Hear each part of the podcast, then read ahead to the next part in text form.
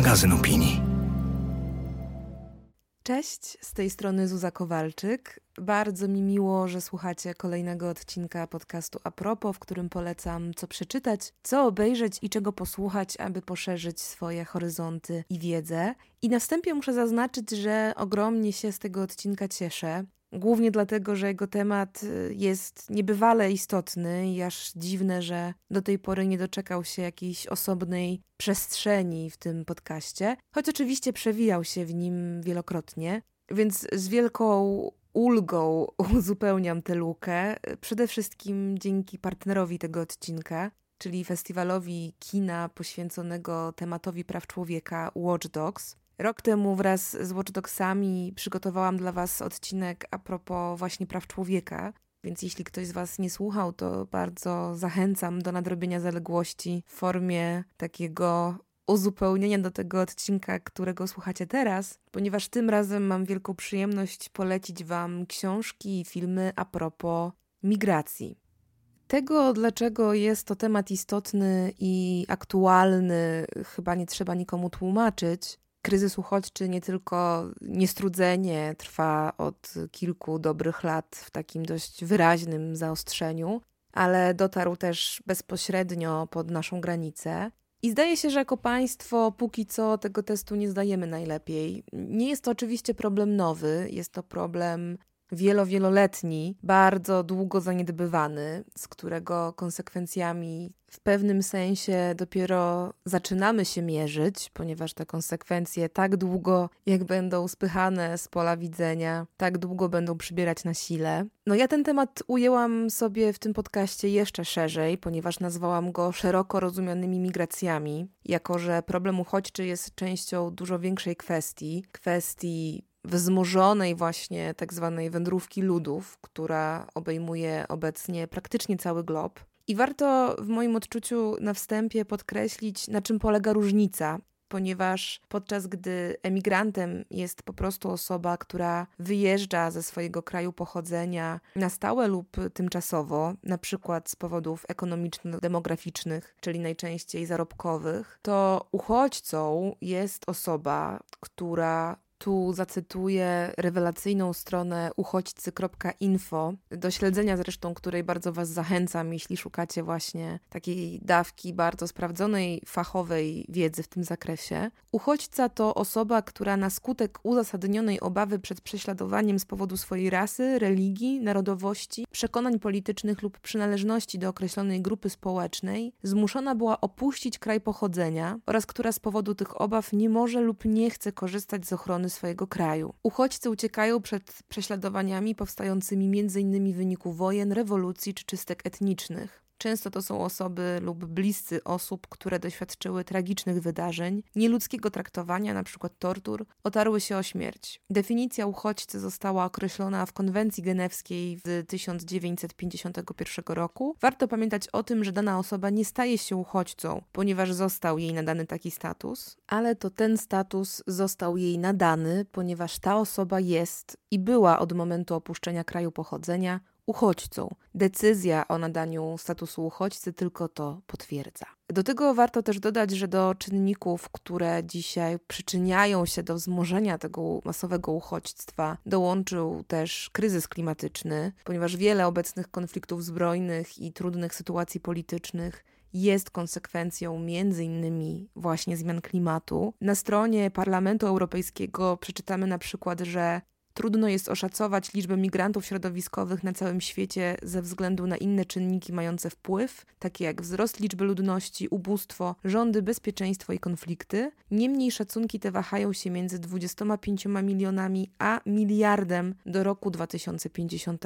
No, brzmi dość przerażająco, Warto również podkreślić, że jedną z podstawowych przyczyn kryzysu migracyjnego jest nie tylko sytuacja w Afryce i na Bliskim Wschodzie, ale też nieprzemyślana polityka migracyjna Unii Europejskiej ostatnich kilkunastu lat. Świetnie to tłumaczy w kontekście kryzysu z 2015 roku również portal Uchodźcy Info, podając na przykład dane, iż ponad 1 czwarta z prawie 300 tysięcy osób, które ubiegały się o azyl i które uzyskały status ochrony w Unii Europejskiej w 2019 roku, pochodziła z ogarniętej wojną Syrii, a osoby z Afganistanu i Iraku były odpowiednio drugą i trzecią najliczniejszą grupą. Obecny kryzys na naszej granicy z Białorusią jest zresztą również efektem wielu lat zaniedbań w kontekście ustalania, jak powinniśmy działać w obliczu kryzysu migracyjnego, o którym wszyscy wiedzieli, że będzie rósł w siłę i jak kształtować konkretnie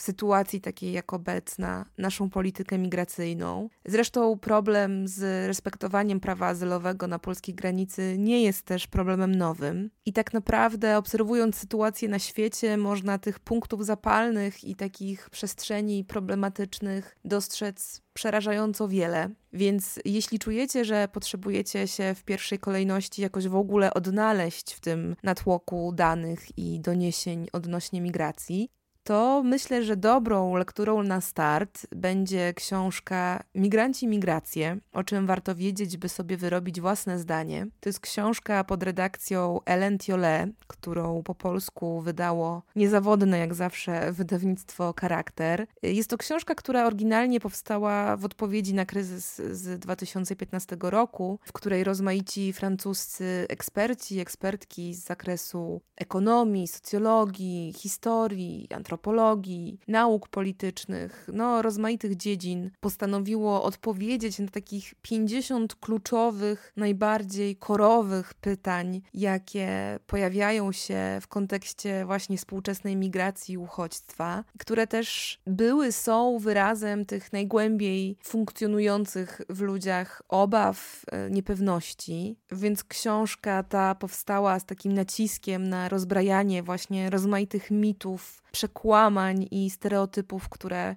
zalały europejski dyskurs, no między innymi wraz z tą dezorientacją, jaka nastąpiła w momencie, gdy kolejne łodzie wypełnione uciekającymi ludźmi dobijały do brzegu naszego kontynentu na taką niespotykaną dotąd skalę. Jest to bardzo przystępnie wprowadzająca w ten temat analiza, y, właśnie analiza polityki migracyjnej, polityki azylowej, kwestii integracji, stereotypów, mechanizmów migracyjnych, ale też tego, w jaki sposób w ogóle migracje stają się narzędziem walki politycznej i w jaki sposób są wykorzystywane do siania niepokoju, siania strachu, podtrzymywania władzy, zmiany władzy. No, taki podręcznik newralgicznych tematów związanych z migracją we współczesnym świecie. W tym polskim wydaniu książkę tę uzupełniono jeszcze o takich pięć pytań i odpowiedzi, które dotyczą stricte polskiej migracji i polskiej polityki migracyjnej, więc ogromnie doceniam właśnie fakt, że również o tę szczególną polską rzeczywistość tę książkę uzupełniono, chociaż oczywiście dzisiaj nasuwa się tych pytań jeszcze więcej i myślę, że jakaś taka albo reedycja, albo kolejna część w kontekście tego, co się obecnie dzieje, bardzo by się przydała. Ogromnie też doceniam fakt, że do każdej poruszonej kwestii, każdego problemu dodano jeszcze kilka poleceń książkowych dla tych, którzy chcieliby pogłębić swoją wiedzę w tym zakresie, albo po prostu zweryfikować zawarte w książce informacje. No, naprawdę świetna lektura dla tych, którzy ten temat dopiero poznają, chcą go dobrze poznać i chcą rozwiać swoje wątpliwości wokół niego w możliwie merytoryczny sposób, który nie jest jakoś wprost zabarwiony światopoglądowo, więc bardzo polecam. I tak jak ogromnie doceniam i polecam tę książkę, tak ogromnie doceniam również fakt, że tegoroczna edycja festiwalu filmowego Watch Dogs uwzględniła w swoim programie oddzielną sekcję poświęconą właśnie tematyce migracyjnej. Nazywa się ona Ziemia Nomadów i twórcy festiwalu opisują ją tak. Choć kryzys migracyjny trwa już od wielu lat, za sprawą sytuacji na polsko-białoruskiej granicy stał się dla nas aktualny jak nigdy dotąd. Obok filmów o przekraczaniu granic w drodze do Europy, można będzie tu zobaczyć dokumenty o uchodźcach klimatycznych, uciekinierach z Białorusi i Donbasu, czy syryjskich artystach tworzących sztukę inspirowaną traumatycznymi doświadczeniami wojny. Obok tej sekcji stworzono również e, oddzielną sekcję poświęconą stricte Białorusi, więc jeśli ten temat samej Białorusi Was jakoś szczególnie ciekawi, to odsyłam tam. Natomiast jeśli chcecie spojrzeć na ten problem migracyjny, z możliwie takiej szerokiej perspektywy, to zdecydowanie filmy z sekcji Ziemia Nomadów polecają się Wam do obejrzenia. Zwłaszcza, że tegoroczna edycja festiwalu Watch Dogs odbywa się w formule hybrydowej, co oznacza, że filmy można oglądać zarówno stacjonarnie w Warszawie, jak i online. Stacjonarnie można będzie oglądać je w kinach w dniach 10-16 grudnia, a w internecie na platformie moje ekino.pl w dniach 10-19 grudnia. I szczególnie mocno chciałam Wam polecić cztery tytuły do obejrzenia w ramach festiwalu. Po pierwsze, film Aya, to jest film w reżyserii Simona Gilarda. Opowieść o mieszkańcach wyspy Lahou w południowym wybrzeżu Kości Słoniowej, którym grozi zagłada ich domu właśnie z powodu zmian klimatycznych, czyli z powodu podnoszenia się poziomu wód i coraz większego ryzyka zaglania ich wyspy wodą. Coś, co może brzmi odległo i abstrakcyjnie dla nas w Europie, bo myślę, że jednak o tych zmianach klimatu nadal myślimy jako o czymś zbyt potężnym, aby móc to objąć swoją wyobraźnią. Tu jest opowiedziane właśnie z perspektywy indywidualnej historii i indywidualnej tragedii. I być może łatwiej nam się wbrew pozorom właśnie myśli o takich abstrakcyjnych zmianach, bo prościej wtedy jest zrzucić z siebie jakieś poczucie współodpowiedzialności i też nie dojrzeć tragedii człowieka, która stoi za takimi procesami. No więc właśnie autor filmu wychodzi temu pozornemu komfortowi naprzeciw i pokazuje nam właśnie historię ludzi, przede wszystkim tytułowej dziewczyny Ai, która jest bardzo mocno związana ze swoim domem i dla której to poczucie bezsilności wobec zagłady jej świata jest w jakimś sensie druzgocące i odbiera jej to, co dla niej najcenniejsze. Więc jest to bardzo poruszający film o stracie i o takim osobistym przeżywaniu skutków zmian klimatu i o tym, jak to jest tracić dom i być zmuszonym szukać tego domu gdzieś indziej na świecie. Polecam Wam też film Sztuka Przeżycia w reżyserii Davida Henry'ego Gersona. To jest właśnie film, który opowiada o grupie syryjskich artystów, którzy żyją i tworzą na emigracji i którzy poprzez sztukę próbują jakoś przepracować to swoje doświadczenie traumy i doświadczenie utraty związanej z uchodźstwem po krwawym stłumieniu arabskiej wiosny. Dla mnie to jest film ciekawy i ważny podwójnie, bo z jednej strony on przekazuje te ważne świadectwa migracyjne, pokazując właśnie ich trud, ich tragizm, ale też dając taką nadzieję, która się z nimi łączy przy tym oczywistym kontekście dramatu, który dotyczy tych, którzy nie mieli tyle szczęścia, co bohaterowie tego filmu i którzy do Europy się nie dostali. Ale z drugiej strony jest to też po prostu opowieść o. Ojej, to brzmi jakoś górnolotnie, ale no tak jest. To jest film o potędze sztuki, to znaczy o tym, jak przy pomocy tworzenia można odzyskiwać poczucie swojej tożsamości, poczucie swojego sprawstwa, o tym też, jak po prostu tworzenie może leczyć i jak może stać się środkiem do odzyskiwania siebie i budowania swojego życia po właśnie takich tragicznych wydarzeniach. Więc e, sztuka przeżycia bardzo ciekawy dokument i bardzo Wam polecam jego seans. Natomiast z filmów, które tak dosłownie łapią za gardło i, i, nie puszczają, bo uzmysławiają właśnie tragedię uchodźstwa w tym pełnym wymiarze, polecam dwa filmy, oba autorstwa dwóch reżyserek. Els van Driel oraz Effie Blankenvoort. Pierwszy z nich to pełnometrażowy dokument Gracieni, a drugi to krótki metraż, też dokumentalny oczywiście, Jano i Shiro, Wielka Podróż. Ciężko mi mówić o tych filmach, y, bo właśnie konfrontują z taką najtrudniejszą prawdą dotyczącą tego tematu. Tą prawdą, którą sobie w jakimś stopniu uzmysławiamy, ilekroć patrzymy na ubozy dla uchodźców, już nie wspominając o lasach przy naszej granicy z Białorusią. To znaczy o tym, w jak nieludzkich warunkach tysiące ludzi oczekuje z nadzieją na azyl w Europie. Jano i Shiro to jest opowieść o dwóch braciach z Syrii, którzy ubiegają się o azyl, no i gdy w końcu po też gigantycznej traumie, którą przeżyli, próbując dotrzeć do Europy,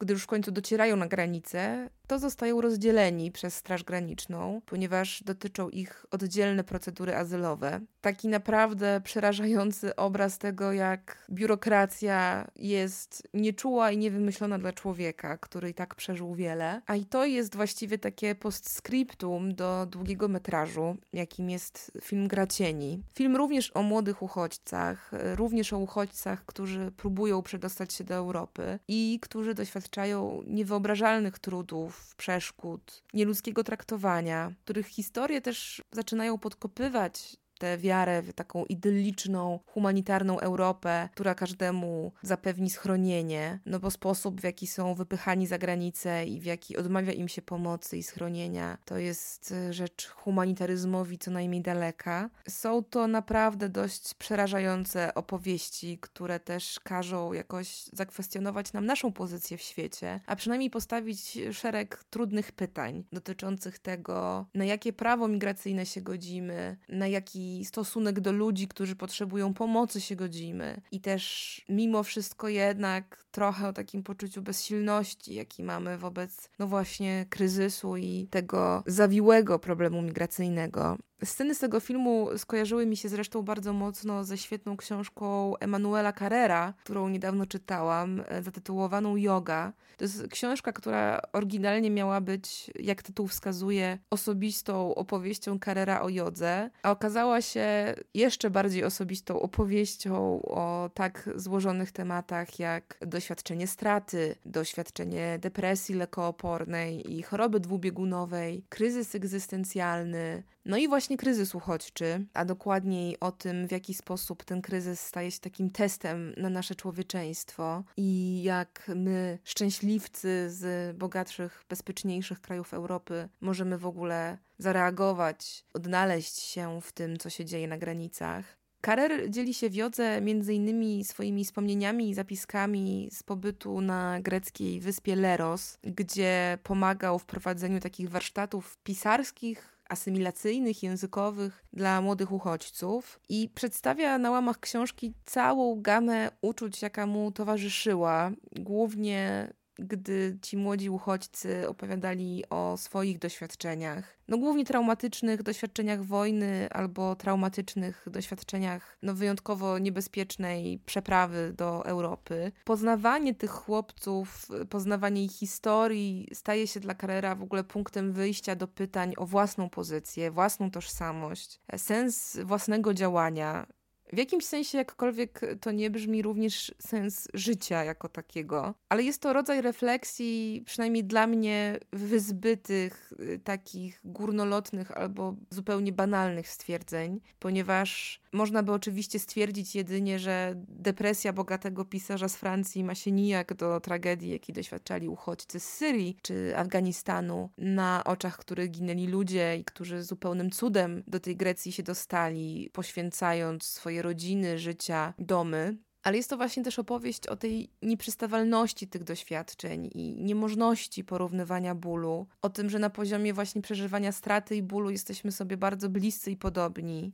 też o tym, że należy szanować swój ból i jednocześnie wyostrzać swoją empatię na ból innych. I też mimo wszystko o docenianiu takich pozornie oczywistych przywilejów zachodniego świata. No bardzo piękna i osobiście napisana opowieść, którą Wam polecam i która może nie w tak oczywisty sposób koresponduje z tym tematem kryzysu uchodźczego, ale we mnie bardzo silnie rezonuje, no na tyle silnie, że gdy oglądałam właśnie filmy Els van der i Effie Blankenwort, to ta książka do mnie wróciła i jakoś splotła mi się w bardzo spójną opowieść o tragedii straty, utraty i pozostania wobec takiej utraty i takiego okrucieństwa człowiekiem.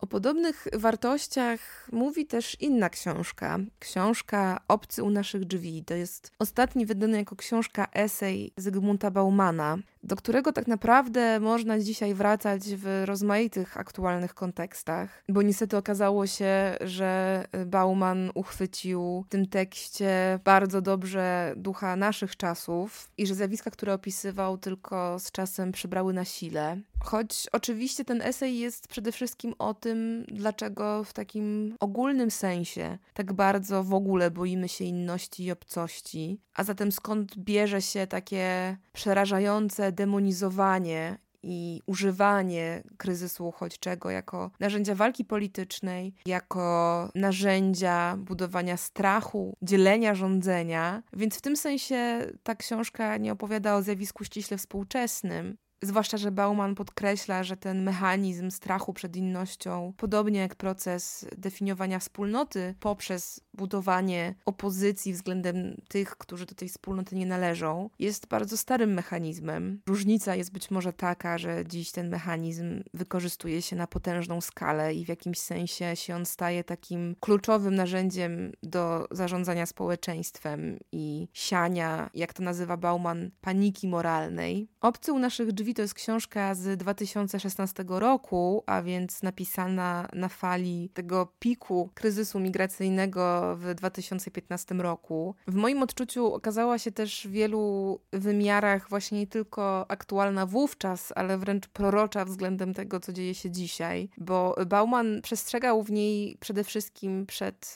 polityką izolacjonizmu, polityką stawiania murów, no bo jak przekonywał, y, tymi sposobami nie rozwiążemy tego problemu na dłuższą metę, a jedynie odroczymy w czasie jego najbardziej katastrofalne skutki i że te skutki zapewne nie tylko powrócą, ale jeszcze zostaną spotęgowane z biegiem czasu. Więc z jednej strony Bauman analizuje mechanizmy zastraszania i wykorzystywania poczucia niepewności ludzi do konstruowania w społecznej wyobraźni jakichś nowych wrogów, oczywiście w celu ugruntowania jakiejś władzy, jakiejś wizji porządku społecznego, a z drugiej podkreśla, że niezależnie od tego, jak Europa zaplanuje swoją politykę migracyjną, to wcześniej czy później będzie musiała skonfrontować się z tym wyzwaniem, ponieważ kryzys będzie tylko przybierał na sile. Więc jest to takie zaproszenie do refleksji nad tym, jak mogłaby wyglądać ta nowa Europa. Europa z nowym porządkiem społecznym, w którym różnorodność kulturowa, etniczna, religijna byłaby coraz bardziej powszechna.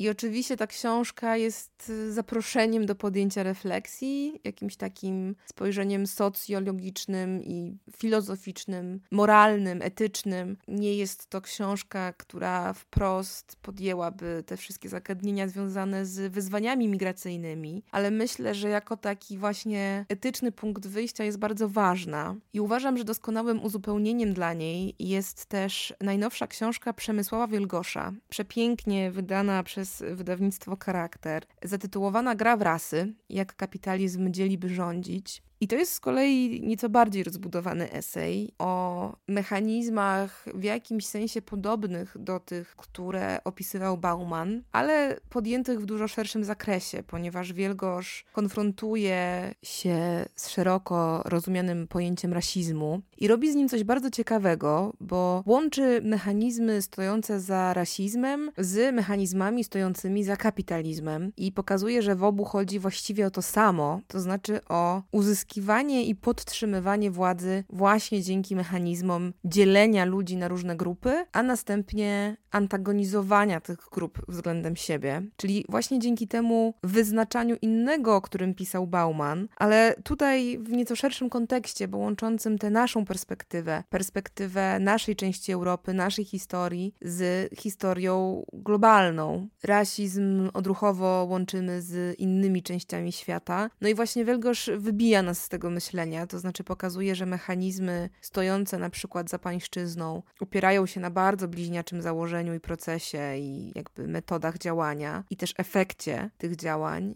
I w tym sensie ta książka jest ciekawym głosem też, y, no nie tylko w kontekście książek o migracjach i ksenofobii, ale też w kontekście obecnego wysypu książek o naszej historii ludowej. Wielgosz sięga też po historię rasy, zwłaszcza w tym amerykańskim kontekście, żeby pokazać, że ta hierarchiczna struktura współczesnego kapitalizmu wywodzi się właśnie z tych samych źródeł co niewolnictwo czy segregacja rasowa. Pokazuje też, że ten współczesny kapitalizm opiera się na, no właśnie, kolonializmie, czyli hierarchizowaniu, zawłaszczaniu, wykluczaniu. Opiera się też na europocentryzmie, czyli idei, która również dzieli i rządzi, również odczłowiecza, również ustanawia jakąś normę, aby następnie te niepasujące do tej normy elementy uznawać za gorsze, też nazywać gorszymi, podległymi lub jakimiś aberracyjnymi. Bardzo ciekawe, szerokie, takie interdyscyplinarne spojrzenie na temat dyskryminacji, emancypacji, orientalizacji, no w ogóle mechanizmów władzy i przemocy. Ogromnie Wam tę lekturę polecam.